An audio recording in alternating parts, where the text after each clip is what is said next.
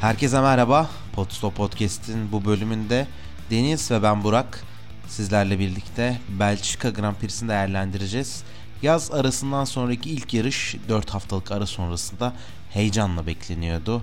Ee, Belçika Grand Prix'si geçtiğimiz yıl özellikle yoğun yağış altında gerçekleşememesinden dolayı aslına bakarsanız e, Formula 1 severler tarafından e, büyük bir merakla bekleniyordu. Çünkü Spa e, takvimin en keyifli, en heyecanlı pistlerinden bir tanesi ve bu yeni nesil araçlarla burada e, yarışmak için yani yarışmalarını pilotların açıkçası izlemek için e, herkes heyecanlı bir şekilde e, ekran başında yerini almıştı. E, Spa'nın bir de aynı zamanda e, değişen takvimle birlikte önümüzdeki yıllarda takvimde kalıp kalamayacağı da büyük bir soru işareti olarak e, haberlerde çıkıyordu. E, bu haftaki e, yarışla birlikte Spa'nın en az bir yıl daha takvimde kalacağı da kesinleşmiş ve açıklanmış oldu. E, ben biraz böyle Belçika ve Spa özelinde bir giriş yapayım dedim Deniz. E, bu anlamda hafta sonu nasıl geçti senin için? E, çok güzel bir giriş yaptın. Heyecanlı beklediğimiz bir hafta sonuydu. Hem yaz arası sonrasında gelen ilk yarış hem zaten Spa'nın e, pistinin karakteristik özelliklerinden dolayı herkesin severek beklediği bir yarış ama yani şöyle söylemek gerekiyor bence hafta sonunun en eğlenceli günü perşembe günüydü. Yani işte ceza alan pilotlar vardı, işte yağmur beklentisi vardı, işte yaz arası sonrası ne olacak beklentisi falan vardı. Ama hafta sonu özellikle pazar günü bence beklenen keyfi vermedi diyebiliriz. İstersen cumartesi günüyle başlayalım sıralama turlarıyla. Sıralama turları başladığında birçok pilot e, yaklaşık yanlış hatırlamıyorsam 8 pilot saymıştım ben ama e, araçlarında çeşitli parça değişikliklerinden dolayı e, gridin gerisinden başlama cezası almışlardı ve bunu bilerek sıralama turlarına başladılar. Bu yüzden sıralama turlarında e, ki sonuçların e, pazar gününe nasıl yansıyacağını anlayabilmek için herkes böyle e, ekran başında kağıt kalem e, altında şey yapmaya başladı. E, sıralama yazmaya başladı. Ama tüm bunların haricinde genel olarak bir değerlendirme yapacak olursak Q1'de sezon sonu emekli olacağını açıklayan Sebastian Vettel ve Alfa Romeo pilotu Valtteri Bottas e, dışarıda kaldılar. Q2'de e, McLaren'den ayrılacağı açıklanan Daniel Ricciardo e, ve Alpine e, söylentileri çıkmaya başlayan Pierre Gasly dışarıda kalmıştı. E, Q3'e geldiğimizde ise e, sanıyorum yani bunu daha detaylı konuşuruz ama e, olağanüstü bir turla birlikte Max Verstappen pole pozisyonunu elde etti. 1.43.665 ile birlikte 1.44'ün altına inen tek pilot oldu. E, ikinci sırada Carlos Sainz vardı 1.44.297. Arada korkunç bir fark e, oldu. Göze çarptı. Sonrasında Perez Leclerc ve Alpinler Mercedesler şeklinde takip ediyordu. Alexander Albon bu sezon ilk geç Q3'e kaldı ve 9. sırada sıralama turlarını bitirdi. Max Verstappen e, almış olduğu grid cezası ile birlikte pazar günü birinci sıradan başlayamadı. Fakat e, elde ettiği pole pozisyonuyla birlikte pazar gününün aşağı yukarı nasıl geçeceğine yönelik bize bir e, ipucu verdi diyebiliriz sanırım. Ya, inanılmaz bir fark vardı gerçekten. E, sıralama turlarından belli de dediğin gibi pazar gününün nasıl geçeceği.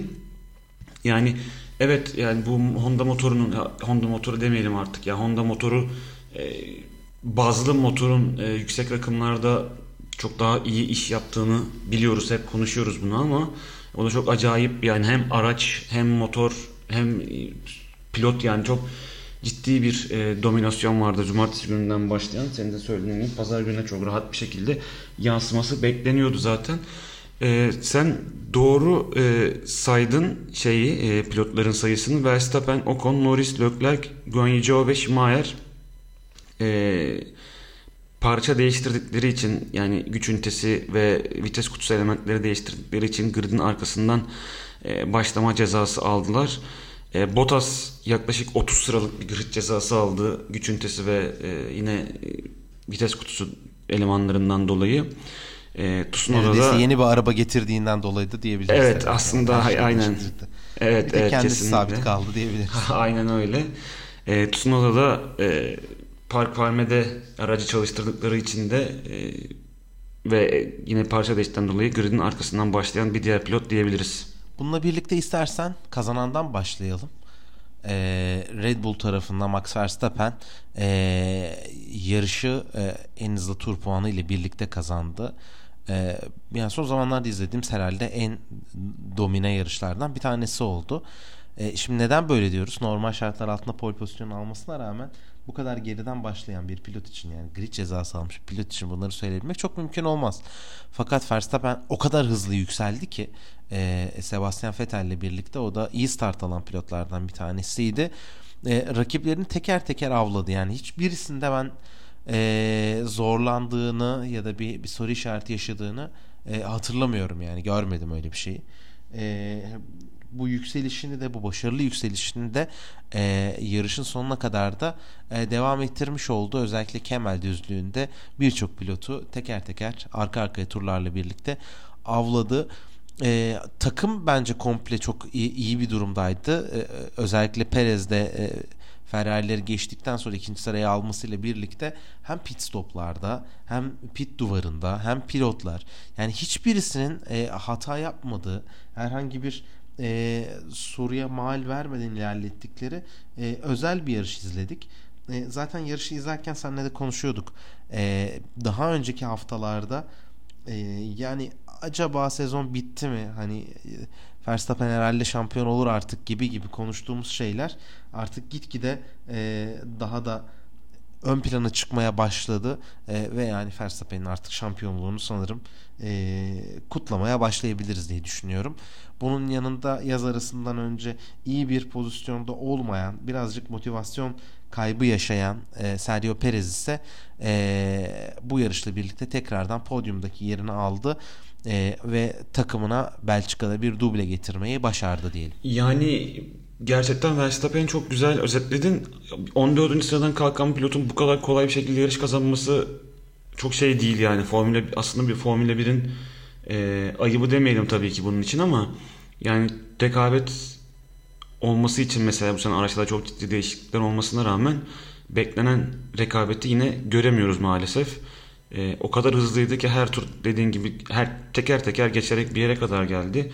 Yani biz bir tur önceki geçişinin tekrarını izlerken bir baktık Russell'ı geçmiş. Yani hani geçtiği kişi Russell ve tekrar izlerken bir anda hızlıca gelip yaklaşıp geçip gidiyor. Yani adam öyle müthiş bir hızı vardı.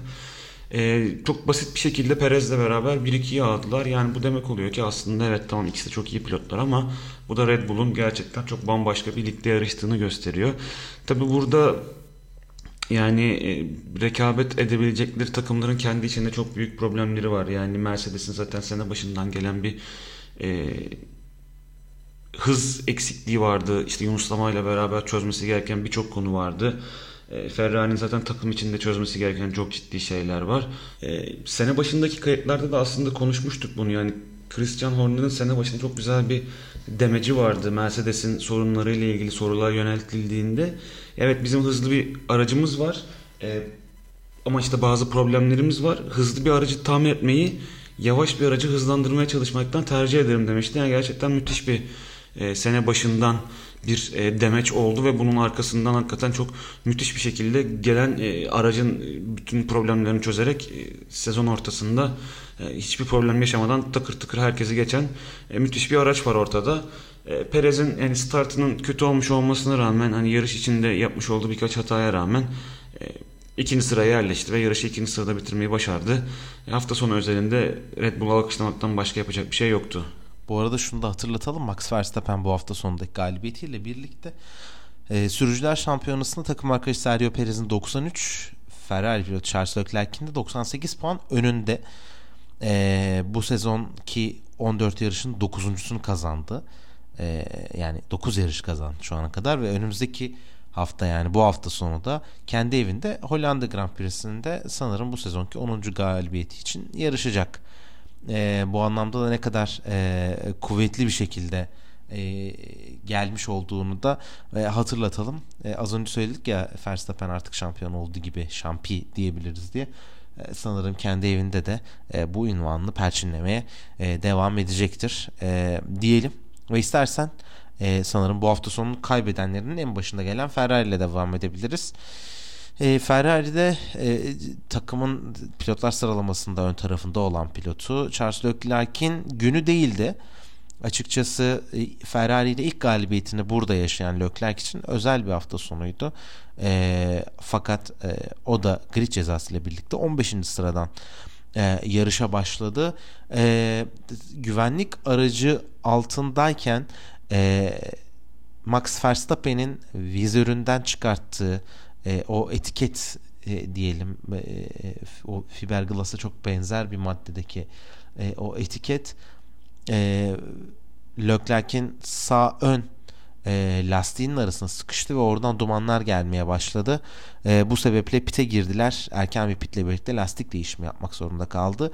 E, Ferrari takım patronu Mattia Binotto e, hız sensörünün e, bu anlamda bozulduğunu e, söyledi. Bu buradaki şeyden dolayı sorundan dolayı e, ve bu sebeple de bir erken pit e, pite girmek durumunda kaldılar.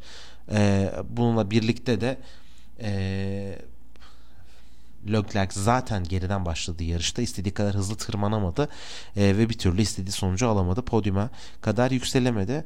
E, fakat Leclerc'te sanırım konuşabileceğimiz, eleştirebileceğimiz birkaç nokta e, olabilir diye düşünüyorum. Çünkü son 8 9 9 9 yarıştır e, sadece bir kez podyuma çıkabildi. Yani sezon başında şampiyonun en kuvvetli adaylarından birisi diye e, yorumladığımız bir pilotun e, bu noktalara kadar gerilemesi e, çok da hani e, kabul edilebilir bir e, durum değil diye düşünüyorum. E, Belçika'da bu motor e, ünitesi değişikliği cezaları almak birçok takımın istediği bir şey. E, herkes denedi bunu. E, ama buna rağmen e, rakiplerine göre ki burada kastettiğimiz rakip e, Max Verstappen oluyor. E, bu kadar geride kalması çok kabul edilebilir bir şey değil ve bir bir nokta daha e, paylaşacağım sonrasında söz, sözü sana bırakacağım. Yarışta fark ettim bilmiyorum ama e, o pit sonrasında e, Pierre Gasly'nin gerisinde kaldı ve yine Gasly lanetine maruz kaldı. Uzunca bir süre geçemedi onu ve geçtikten sonra rahatladı. Bu sefer önü açıldı. Bir an önce ilerlemeye başladı. Yani gridde her pilot için zor olan bazı meseleler şampiyon pilotlar için bu kadar zor olmaması lazım ya da şampiyonluk adayı olan pilotlar için. Ama Leclerc hala bunun gibi bazı konularda sıkıntılar yaşıyor. Ee, kısaca söylemek gerekirse e, Ferrari'nin ve özellikle de Leclerc'in hafta sonu değildi. Ya evet aslında yani Ferrari'ye gerçekten kaybeden demek ne kadar ya bilmiyorum şunu hani e, katılıyorum bir yandan da katılmıyorum. Çünkü baktığın zaman bir pilotun üçüncü bitirmiş, bir pilotun altıncı bitirmiş. Hani o yüzden normal bir hafta sonu olsa belki bir takım için kaybeden demezsin ama hani Spa'da ya Belçika'daki Ferrari ve bu kadar sene başında dediğin gibi yani hızlı gözüken bir Ferrari'nin bu kadar zorlanmıyor olması lazım gerçekten. En azından Red Bull'la biraz olsun mücadele içerisinde, içerisinde olabiliyor olması gerekiyordu. Çok güzel bir noktaya değindin. Yani evet mesela bu sene özellikle bu sene Red Bull'da ve Verstappen'in üzerinde o geçen seneki şampiyon olma baskısı, şampiyon olacağız mı olmayacağız mı baskısı yok. Çünkü geçen sene şampiyonlarlar ve artık rahatlar ve rakiplerinin de aslında eksiklerinin farkındalar. Bu senenin de çok kolay gittiğini fark ettikleri için üzerinde çok ciddi baskıları yok ve çok rahat hareket ediyorlar. Ama Ferrari'de çok ciddi bir baskı olduğu için her seferinde yaptıkları her şey sorgulanmaya başladı. Yani bu hafta üzerinde bile takım radyolarında en fazla gözüken takım Ferrari olduğuna dair mesela pilotlar ve e, takım artık serzenişte bulunurlar. Yani durmadan bizim takım konuşmalarımız e, ekranlara yansıyor. Hani yarış tar- tarafına yansıyor. Çünkü gerçekten artık Formula 1 rejisi bile hani Ferrari'nin yapmış olduğu hataları ya da hata yapabilme ihtimalini göz önünde bulundurmaya çalışıyor. Biraz hani reklam kokan hareketler bunlar ama yani takımların daha doğrusu takımın pilotlarla olan lastik tartışmalarını hani hangi lastik takalım, nasıl yapalım, pite gireceksin mi, işte kaçıncı sıradayım 10. sıradasın hayır 9'um aa evet 9'muşsun falan bunları yayınlıyorlar ki hani herkes böyle artık Ferrari'yi parmakla göstersin böyle hani e, gülünç duruma geliyorlar bu sayede aslında onlar da sadece işte biraz haklılar ama yani Ferrari kendini bu duruma sokmayı başardı. Tabi burada baktığın zaman sadece Ferrari mi kendini buraya sokmayı başardı? Aslında bence hayır. Sene başında biz evet Leclerc'e çok yüklenmiyorduk. Genelde Ferrari'ye yükleniyorduk. İşte atıyorum Monaco'da hata yaptılar, bilmem nerede hata yaptılar falan diye şey yapıyorduk ama alt alta topladığında baktığında gerçekten aslında bir yerde de artık bu yavaş yavaş da söylenmeye başladı ve bu e, fokurdamaya başladı biraz işte Leclerc de aslında işte Verstappen kadar ya da ne bileyim işte Hamilton kadar solid bir sürücü değil, bir yarışçı değil. İşte çok çabuk kırılabiliyor, kırılgan bir yapıya sahip. İşte en ufak bir hatayı yapabiliyor, toparlayamayabiliyor. Takımın ufak hatalarını e, çok büyük hale getiriyor ya da onları hani sorunsuzmuş gibi göstermiyor gibi bazı Leclerc tarafında e, konuşmalar var. Yani bu tabii e, Red Bull'la ve Verstappen'le karşılaştırdığımızda maalesef daha fazla gün yüzüne çıkıyor. Yani burada tabii ki e, önümüzdeki yıllarda bu Leclerc'in şampiyon olamayacağı anlamına gelmiyor. Ferrari'nin atacağı birkaç büyük adımla beraber e, çok rahat bir şekilde ben hala Leclerc'in şampiyon olabilecek bir potansiyeli olduğuna inanıyorum ama karşısında çok ciddi rakipleri var. Yani şu an mesela baktığın zaman Red Bull bu hataları yapıyor olsa Ferrari'nin yaptığı hataları belki Leclerc çok daha önde olacaktı ama Red Bull'un da sorunsuz yarışıyor olması ve özellikle Verstappen'in tamamen bir God modu açmış olması e, rekabeti bambaşka bir yere çekiyor. Ama gerçekten e, Leclerc bu şekilde sürmeye devam ederse e, gerçekten oklar biraz olsun e, Ferrari'den alınıp e, Leclerc'e doğru e, dönmeye başlayacaktır diye düşünüyorum. E, Carlos Sainz'in yarışına bakarsak da yani yarışın ilk kısmını e, önde götürüyordu ama hani üçüncü bitirmek onun için çok kötü bir sonuç değil bence. Çünkü zaten konuştuğumuz gibi yani Red Bull'un arkasında kaldı. E, onun haricinde e, bence verebileceğinin tamamını verdi bir şekilde ve üçüncü olarak üçüncü olmayı başardı. Bence yani Carlos Sainz için de idare edilebilir bir hafta sonu diyebiliriz. E, peki şununla ilgili de ben aslında senin yorumunu e, duymayı istiyorum. Özellikle yarış sonrasında epey konuşuldu. E, Leclerc'in hatta flash röportajda e, sorduklarında 5 e, saniyelik cezadan haberdar olmadığı anlaşılıyordu. E, yarışı belki o kısmını takip edemeyen dinleyicilerimiz için e, açıklayalım. E, Leclerc son turda pite girip taze lastiklerle birlikte en hızlı tur e, denemesi yapmak istedi ve bu esnada pit çıkışında e, önde kalmasına rağmen kemer düzlüğünde Fernando Alonso'ya geçildi. E, daha sonrasında Alonso'yu son turda geçmiş oldu ama en hızlı tura imza atamadı. E, Fernando Alonso yarış bittiği zaman e, Leclerc'in bir an pitten çıktığını gördüğüm zaman çok şaşırdım. Ve Ferrari'nin yine hiçbir stratejiyi başaramadığını gördüm böyle gibisinden. Alaycı bir ifadeyle eee Ferrari'nin bir hata yaptığını e, söyledi. E, Leclerc'e ise yarış bittiği esnada hani en turu alamadın. Bunun için bir deneme yaptın. Fakat 5 saniye cezan vardı. Alonso geçmiş olmana rağmen onun gerisinde kalacaksın dendiğinde nedenini röportaj yapan kişiye sormuştu. bu anlamda bu bu olayı nasıl yorumlarsın, nasıl değerlendirirsin? Ben e, Leclerc'in pite alınıp taze lastikle en hızlı turu denemesinin e, sorunlu bir şey olduğunu düşünmüyorum. E, fakat ceza kısmı birazcık daha farklı e, yorumlanabilir. E, ben senin fikrini almak istedim bununla ilgili. Evet denenebilir. Bunu birçok yarışta görüyoruz denendiğini. Daha önce birçok kez farklı takımlar, farklı pilotlar denedi. Ama yani Alonso ile aradaki farkın çok sınırdayken bunu yapmaya gerek var mıydı gerçekten? Çok bilemiyorum. Yani burada atıyorum e, bambaşka şey senaryolar da konuşulabilirdi. Yani ne bileyim bir kaza yapabilirlerdi. Belki atıyorum pist dışına çıkıp dönmek zorunda kalıp birkaç sıra daha kaybedebilirdi. Ya da belki de en hızlı turu alabilirdi. Yani burada alacakları bir puan gerçekten Leclerc'in çok ihtiyacı olan bir puan mı? E, baktığın zaman evet ama Alpine'le arada bu kadar sınırda bir süre farkı varken denenebilir miydi? E, çok uçlarda yani çok hani zor bir karardı. Hızlı almaları gereken bir karar oldu. Denediler. Eğer Leclerc yani alabilseydi e, cebine koyacaktı, devam edecekti. Ama maalesef yapmış olduğu hatayla beraber e, Alonso'nun arkasına düşmüş oldu. Bu şampiyonluğu mu kaybettirdi? Hayır şampiyonluğu kaybettirmedi. En hızlı turu alabilseydi, puanını cebine koyabilseydi şampiyon mu olacaktı? Hayır olmayacaktı. E, Ferrari'nin almış olduğu ilginç kararlardan bir tanesi. Bence hiç böyle topa girmeselerdi e, bence çok çok daha e, onlar için e, rahat olabilirdi yani en azından bunlar sorgulanmazdı.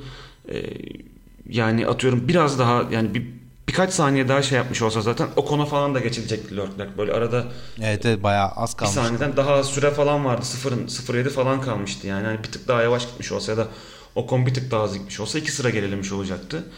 E, büyük bir kumardı bence. Doğru muydu? Ben çok emin değilim.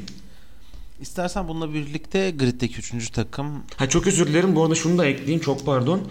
Ee, böyle bir şeyi de sürücüye söylemeden röportaja göndermekte gerçekten o da bambaşka bir noktası. Yani e, iletişim kopukluğu desen değil. E, orada bambaşka bir bir boyut var artık.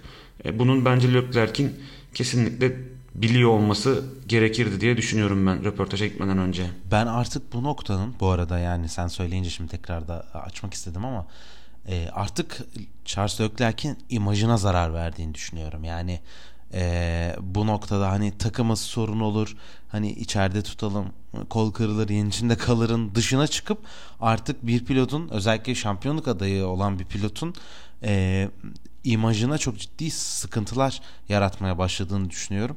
E, bu yüzden ne zaman olacak bilmiyorum ama er ya da geç bu sezon sonuna kadar e, Leclerc'in sesi daha fazla çıkmaya başlayacaktır. Eğer başlamayacaksa da bu da onun çok daha farklı tarzda bir pilot olduğunu gösterir. Belki o zaman e, onun karakteriyle ilgili de daha farklı yorumlar yapabiliriz. Ama en azından e, şampiyon adayı olan bir pilotun e, bu kadar yüksek egolarla birlikte bunları da mutlaka takımdaki e, e, yönetime e, dahil etmesi gerekiyor diye düşünüyorum. E, bununla birlikte istersen Mercedes Mercedes'e de kısa bir göz atalım. E, özellikle sezonun ikinci yarısından itibaren çok büyük beklentiyle girdi Mercedes. Son yarışlarda arka arkasına gelen podyumlarla birlikte rüzgar arkalarını almışlardı ve e, Belçika'ya başlarken de ne olup ne biteceğini göreceğiz. Buna göre stratejimizi belirleyeceğiz demişlerdi. E, fakat hayal ettiklerinin çok çok çok daha gerisine kaldıkları bir hafta sonunu geride bıraktılar. Aşağı yukarı Red Bull'la tur başına 1.5-1.6 saniye daha yavaşlardı. Ee, bu çok önemli bir e, sorunu gösteriyor. Aslında sorun hep vardı ama sorunun çözülemediğini gösteriyor. Ee, bu anlamda Mercedes için e, hayal kırıklığıyla e, geçti diyebileceğimiz bir hafta sonu oldu. Sonuçtan dolayı değil ama aracın e, potansiyelini gösterememesinden dolayı. E, nitekim Lewis Hamilton e, artık bu sezona değil önümüzdeki yılın aracına odaklanmak istiyorum. Bu kadar yavaş olacağımızı hiç düşünmemiştik şeklinde e, bir yorum paylaştı. E, bunun haricinde de e, ilk turda Fernando Alonso ile birlikte e, girmiş oldukları e, temas diyeyim ya da mücadele de e, Hamilton'ın yarışına son verdi. E, ve bu da Hamilton'ın kariyerindeki 5. ilk tur e, yarış dışı kalma e, durumu oldu ve bunların 3 tanesi de Belçika'da Spa'da gerçekleşmiş. Bu da ilginç bir not olduğu için de paylaşmak istedim. E, deyip Mercedes tarafında e, kim haklıydı? Alonso mu Hamilton mu sorusuyla sana bırakıyorum yorumları. Yani ben izlerken acaba gerçekten hani e, Alonso abartıyor mu? Gerçekten hani belli bir alan vardı da oraya kaçabilirdi mi diye düşündüm ama sonra tekrar izlediğimizde evet yani Hamilton kör noktasında kaldığını kendi kabul etti. Orada gerçekten yeterli boşluğu ben e, Alonso'ya bırakmadığını düşünüyorum. E, o yüzden yani Alonso'nun haklı olduğunu düşünüyorum aslında. Ee, ama e, Hamilton'ın kazası da gerçekten zıplayıp yere çakılması yani ön taraftan gerçekten büyük bir darbe olduğunu söylemişlerdi zaten yarış sonrasında. Yaklaşık 45 G olarak ölçülmüş sanırım araç üzerinden e, dik kuvvet vertical olarak böyle. E, yani e, evet hani sağlık anlamında bir şey yok belki ama e, kendisi de yani Hamilton'da bu hatadan dolayı e, kendine sinirli olduğunu ve gerekli alanı bırakmadığını bunun sayesinde yarışını mahvettiğini e, söyledi. E, yani o aslında şöyle biz evet belli alan bıraktı bırakmadı diye konuşuyoruz ama araçların ne kadar geniş olduğunu aslında oraya bakarken çok dikkatimizi çekmiyor. Yani o hani, pist üzerinde aracı çıplak gözle gördüğümüzde ne kadar geniş olduklarını hani vay anasını ya bu kadar geniş miydi bu arabalar diye hani e, şey yapıyorsun. Televizyondan o kadar belli olmuyor ama gerçekten o ufacık alanlardan o kadar büyük arabaları geçirmek çok kolay değil. E, ama Hamilton'ın o işte gerekli boşluğu belki de o anda e, bırakamadığını kendi kabul etti zaten ve e, yarış hafta sonu üzerinde kendi yarışını bitirdi diyebiliriz. Ben ilk başta aslında hangisi e, hani e, öne geçti yani pozisyon hangisi aldı diye ona dikkat etmeye çalıştım ve Hamilton'ın aracı e, yeterli miktardı yani e, kendi aracın 3'te 2'si kadar önde olduğunu görüyordum. Fakat daha sonrasında yani Hamilton geçişi tamamlandığını, kendi geçişinin tamamlandığını düşünerek içeriği kapatarak e, virajı dönmeye başladı. Asıl sorun burada yer alıyor. Yani orada boşluğu Alonso'ya bırakmaması zaten e, onu bu noktaya getirdi. Kendisi de senin söylediğin gibi açıklamıştı. E, bu anlamda Hamilton için de e, kötü bir hafta sonu oldu e, diyebiliriz. İstersen çok kısa kısa birkaç isimden bahsedelim. Onunla birlikte kapatalım. E, ben de yorumlarımı yapacağım. Lütfen sen de unuttuklarım varsa e, ekleyebilirsin. Alpine'de Fernando Alonso 5. E, sırada yarışı bitirdi. E, bu anlamda sezonun en iyi e, sonuçlarından bir tanesini almış oldu. E, bununla birlikte takım arkadaşı Esteban Ocon ise 16. sıradan e, başladığı yarışı 7. sırada bitirerek takımına çifte puan e, şansı yakalamış oldu. Bu anlamda önemli bir hafta sonuydu. E, bunun haricinde Aston Martin'den Sebastian Vettel çok çok iyi bir start aldı. E, oldukça iyi bir başlangıç yaptı. E, bir, bir bir ara artık yani böyle ilk ilk 5'e kadar e, çıkmıştı fakat daha sonrasında yerini kaybederek 8. sıraya kadar düştü. E, fakat bu da onun için e, önemli ve başarılı bir hafta sonu oldu e, diyebiliriz. E, bunun yanında McLaren için kötü bir hafta sonuydu. E, zaten e, takım patronu Andreas Seidel e, pazar günkü daha sıcak e, hava şartlarının e, kendileri için beklentilerinden daha kötü bir e, hıza sebep olduğunu, hız anlamında yeterince iyi e, olmadıklarını, e, hava şartlarına kaynaklandığını söyledi. E, bu sebeple onlar için de iyi bir hafta sonu olmadı. Daniel Ricciardo'nun takımdan ayrılacağını açıkladıktan sonraki ilk yarışında McLaren için yüzler gülmedi. E, son olarak da Alexander Albon e, Williams'la birlikte e, Q3'te yer aldı. E, bu onun için önemli bir e, sonuçtu e, ve bu e, performansını da 10. sırada yarışı bitirip takımına 1 puan kazandırarak e, tamamlamış oldu. E, bu anlamda da e, Williams ve Albon adına önemli bir sonuçtu diyebilirim. E, bu isimlerle ilgili yorumların var mı Deniz ya da başka eklemek istediğin? E sen kısa kısa gerçekten çok güzel özetledin. Sadece şunları ekleyebilirim.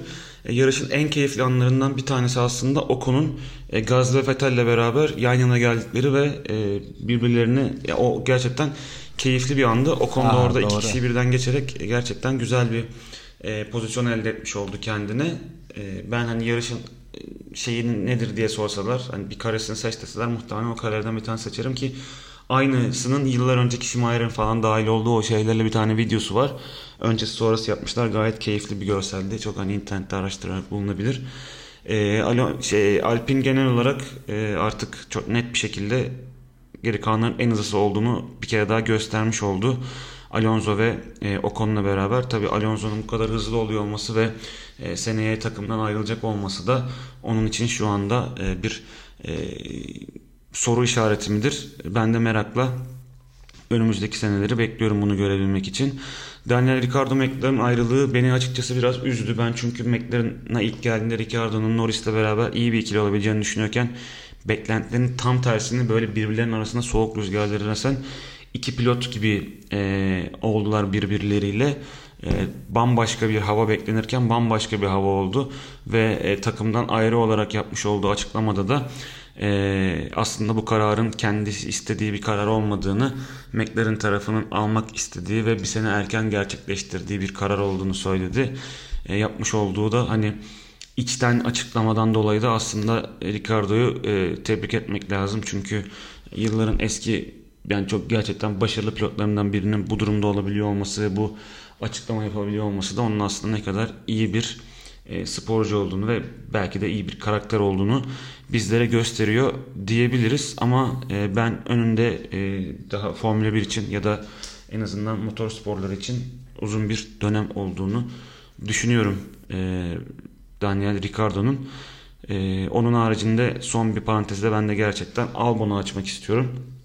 Gerçekten bu sene Williams'la beraber iyi iş çıkarmaya çıkartıyor diyebiliriz. Q3 çek almış olması ve yarışı 10. sırada bitiriyor olması onun için gerçekten bence güzel bir başarı. Ee, evet startta çok iyi kalkamamış olmasına rağmen arkasındaki araçların ondan daha hızlı olmasına rağmen e, lastiklerini güzel koruyarak güzel bir hafta sonu gerçekleştirdi. Ee, bence hafta sonu üzerinde kazananların arasında Albon'u da yazabiliriz. Hemen sana bunlarla ilgili birkaç dedikodusal soru sorayım. E, dinleyenlerin de eminim birçoğu zaten e, merak ediyorlardır. Kaynakları da e, tüketip araştırmaya da devam ediyorlardır ama istersen biz de kısa bir yorum yapalım. E, öncelikle ben de bu arada Ricardo için yaptığın yorumlara katılıyorum. E, ben yapmış olduğu açıklamayı oldukça şık buldum bu arada. Tek başına yapmış olsa da e, son derece samimi, içten bir şekilde ne hissettiğini o kadar güzel yansıtmış ki yani ben hiçbir olumsuz bir şey almadım e, Ricardo'nun yapmış olduğu açıklamadan dolayı. Bu yüzden onu da tebrik etmek lazım. Oldukça samimi bir e, açıklama. Ama arka arkaya birkaç nokta var. Birincisi e, Ricardo'nun yerine sence kim gelecek? Ee, bunu soracağım ama bunu şöyle soracağım. Gerçi aşağı yukarı neredeyse belli oldu diyebiliriz ama çünkü e, yarış öncesinde Landon Norris'le yapmış oldukları bir röportajda önümüzdeki sene Oscar Piastri ile birlikte yarışmaktan dolayı heyecanlı mısın gibisinden bir soru soruyorlar. E, Norris de açıklandı mı diye söylüyor. Hayır açıklanmadı ama belki sen bunu onaylarsın diyorlar. E, ve Norris de benim bunu onaylayabilme gibi bir şeyim yetkim yok e, deyip e, soruyu geçiştiriyor. E, aşağı yukarı belli ama Birinci sorum e, Ricardo yerine kim gelir? E, sana ikinci sorum e, bunun haricinde Alpine'de Fernando Alonso sonrasında e, buraya kim gelecek? E, Theo Pourchaire mi e, Alpine oraya oturtmaya çalıştıracak yoksa e, dedikodular çıkmaya başladı Pierre Gasly e, Fransız bir pilot olarak bir Fransız takımında e, yarışmaya başlayabilecek mi o konuyla birlikte ki bu konuyu hatırlarsam benim 3-4 yıl önceki e, Nostradamus e, şeylerimden bir tanesiydi. E, neden o kehanetlerimden bir tanesiydi. E, ikinci sorun bu olacak. Üçüncüsü de artık bence sezon sonunda garanti olacaktır. Latifi ayrılırsa Williams'ta onun yerine kim gelecek? Böyle birazcık e, pilotlar piyasasına yönelik tahminlerini alalım. Onunla birlikte yavaş yavaş toparlarız.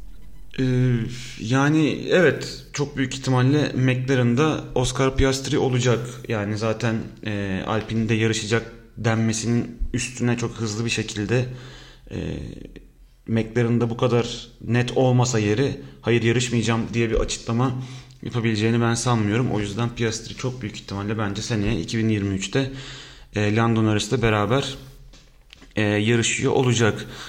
Alpin tarafı tabi bu kadar net değil. Yani Alonso'nun gitmesiyle beraber orayı nasıl dolduracaklar bilmiyoruz. Burada takımın tabi Alonso'dan almış olduğu geri bildirimler çok önemli takımı ileri taşıyabilmeleri için.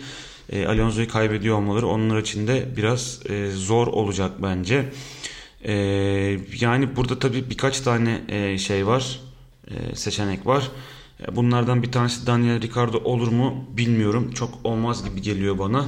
E, Gazli'nin tabi e, Fransız oluşu e, da soru işaretleri arasında oluyor yani hani gelir mi gelmez mi diye.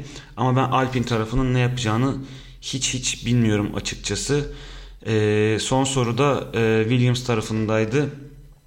Yani e, Latifi'nin gitmesiyle beraber tabi işte burada yine büyük bir e, pilot e, şeyi olabilir. Yani değiş tokuşu olabilir. Burada e, Ricardo'nun nereye gideceği çok önemli. E, Alfa Romeo'nun ne yapacağı çok önemli. E, ya da Haas'ın işte şımara devam edecek mi etmeyecek mi soru işareti çok önemli. Yani bence e, burada e,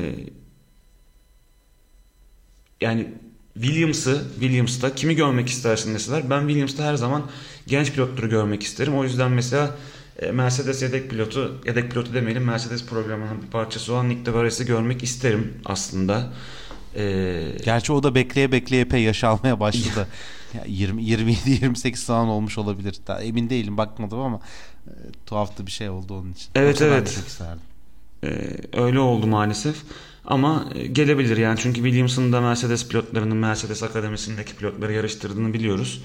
E, buraya tecrübeli pilota para vermek yerine genç pilot alabilirler diye e, düşünüyorum ama gün geçtikçe bu dedikodular e, artacaktır muhtemelen. Yani e, Haas tarafında Mick Schumacher'ın e, Günther Steiner'le olan e, olmayan ilişkisi diyeyim. Yani Günther Steiner'ın memnun olmadığını e, dile getiriyor olması ve onu hani seneye burada olmayabilirsin diye hatta uyardığını da e, konuşmuştuk. E, Schumacher'in Haas tarafındaki e, soru işaretleri büyüyor. Nasıl olur, nasıl ilerler onu bilemiyoruz. 2023 e, için yine Alfa Tauri'de Guanyu devam edecek mi, etmeyecek mi o soru işareti var. E, Guanyu olacak mı, olmayacak mı Alfa Romeo'da gibi gibi soru işaretleri var. Yani önümüzdeki birkaç e, hafta, birkaç e, ay yani bir iki aylık süreç bizim Formula 1 tarafında Red Bull'un dominasyonunu izlediğimiz keyifsiz yarışlara e, keyif katacak spekülasyonlar ve dedikodularla keyiflenebilir diye düşünüyorum. Bununla birlikte istersen son olarak da e, Audi'nin Formula 1 e, açıklamasıyla e, konuşalım. Onunla birlikte de programı da kapatalım. E, uzun süredir beklenen bir konuydu. Yani çok da sürpriz olmadı. E, açıklanma zamanı dahi hatta bence e, oldukça e, beklendiği şekilde ilerledi. E, kısaca özetlemek gerekirse Audi 2026 e, sezondan itibaren Formula 1'e katılacağını açıklamış oldu. E, sence Audi'den ne beklemeliyiz? Ne olur? Çok büyük ihtimal e, Sauber'le bir anlaşma yapması bekleniyor. Yani Sauber e, için e, ondan sonra yarışması bekleniyor. E, zaten e, Alfa Romeo da önümüzdeki sezon sonrasında Sauber'le birlikte işbirliklerini sonlandıracağını açıklamıştı.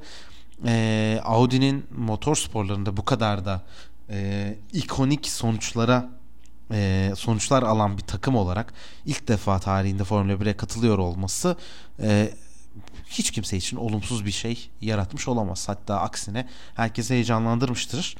E, ama sence 2026 sezonundan itibaren neler beklemeliyiz? E, bu anlamda Audi motorsporlarındaki e, başarısına Formula 1'de de gerçekleştirebilir mi? E, istersen birazcık bunlardan bahsedelim. Bu soruyu neden soruyorum? Onu da açıklayayım. E, yapmış oldukları açıklamalarda 4 ile 6 yıl içerisinde e, şampiyonluk e, kazanabilecek bir e, yol haritası çizdiklerini ve bunu gerçekleştirmek için bu spora katıldıklarında açıkladılar. Oldukça e, iddialı bir açıklama. E, senin de bununla birlikte yorumlarını alalım. Ya bence fazlasıyla iddialı bir açıklama. Tabi burada e, hemen zaten bundan birkaç gün önce yani Audi'nin 2026'da Formula 1'e girecek olmasından birkaç gün önce zaten Formula 1 yönetimi de 2026 itibariyle beraber e, daha sürdürülebilir yakıtlı e, hibrit motorlara geçeceğini açıklamıştı. E, yani artık arabalar, araçlar yani motorlu taşıtlar yavaş yavaş motorlarını e, hibrit ya da elektrikli hale getirmeye başladılar ki Honda'nın zaten Formula 1'de motor üreticiliğinden çekilmesinin en büyük sebeplerinden bir tanesi de buraya harcamış oldukları e, paranın ve e, zamanın birikimin ni artık e, motorlu araç gelişimine, motorlu e, elektrikli motor geliştirmeye aktaracaklarını söyleyip ayrılmışlardı aslında. Tabi burada işte işte Audi, Porsche, işte Volkswagen bilmem ne vesaire ve markaların girebilmesi her zaman konuşulduğunda hep şey konuşuluyordu yani hani e, elektrikli motorlar tarafında biraz daha e, artış olursa yani hibrit motorun hibrit kısmının elektrikli olan kısmının da biraz artış bir biraz büyüme biraz daha elektrikli olabilme ihtimaline karşı takımların girebilmesi motor üreticilerinin girebilmesi bekleniyordu. Çünkü bu motor üreticileri de aslında bu Formula 1'e harcamış oldukları bütçelerin ve paraların bir kısmının da biriktirmiş oldukları know-how'ları yol arabalarına aktarıyorlar ve aslında burada bir e, birlikte bir iş yapmış oluyorlar e, kendi içlerinde. O yüzden e, gelen takımlarında bu gibi bazı e, beklentileri ve Formula 1 yönetimine direktifleri, direktif demeyelim beklentileri olduğunu iletmişlerdi. Zaten çok e, maddi anlamda fazla yükümlülükleri olan bir işe de e, yol araçlarıyla birleştirilme ihtimalleri e, bu gibi markaları biraz daha spora çekiyor. E, başarılı olabilirler mi? Olabilirler. Güzel bir, bir işbirliğiyle beraber neden olmasın? Ama tabii çok kısa bir sürede şampiyon olmak o kadar kolay olmayacaktır. Özellikle kurtlar sofrasında birçok takımın hele ki buralarda farklı farklı yönlere ilerliyor olmalarıyla beraber ama tabii ki e, yeni gelecek olan e, markaların, yeni gelecek olan takımların, yeni gelecek olan motor üreticilerin her zaman spora olan e, pozitif katkısı muhakkak ki olacaktır. O yüzden hani bizler de Formula 1 severleri olarak yeni katılan gerek işte şasi üreticisi, motor üreticisi, işte takımlar vesairelerin olması bizleri sevindiriyor. Şahsen ben e, gayet mutlu oldum böyle bir birlikteliğin olacağını duyduktan sonra. Yakın zamanda da zaten benzer bir birlikteliğin bu sefer Red Bull tarafında Porsche ile birlikte e, e, yapılmasını bekliyoruz. İlerleyen günlerde de buna yönelik bir açıklama gelebilir. Bunu da yakından takip edeceğiz diyelim. Ve bununla birlikte de programı yavaş yavaş kapatalım. Üst üste 3 yarış hafta sonu devam edecek. E, şimdi sırada Hollanda Grand Prix'si var. E, Max Verstappen şampiyonluğun en büyük adayı olarak kendi evinde taraftarın önüne çıkacak. E, bu heyecanlı yarış sonrasında da her zaman olduğu gibi biz de burada yarışı değerlendirmeye e, çalışacağız sizler için. Önümüzdeki hafta Hollanda Grand Prix'sinden sonra görüşmek üzere. Hoşçakalın. Hoşçakalın.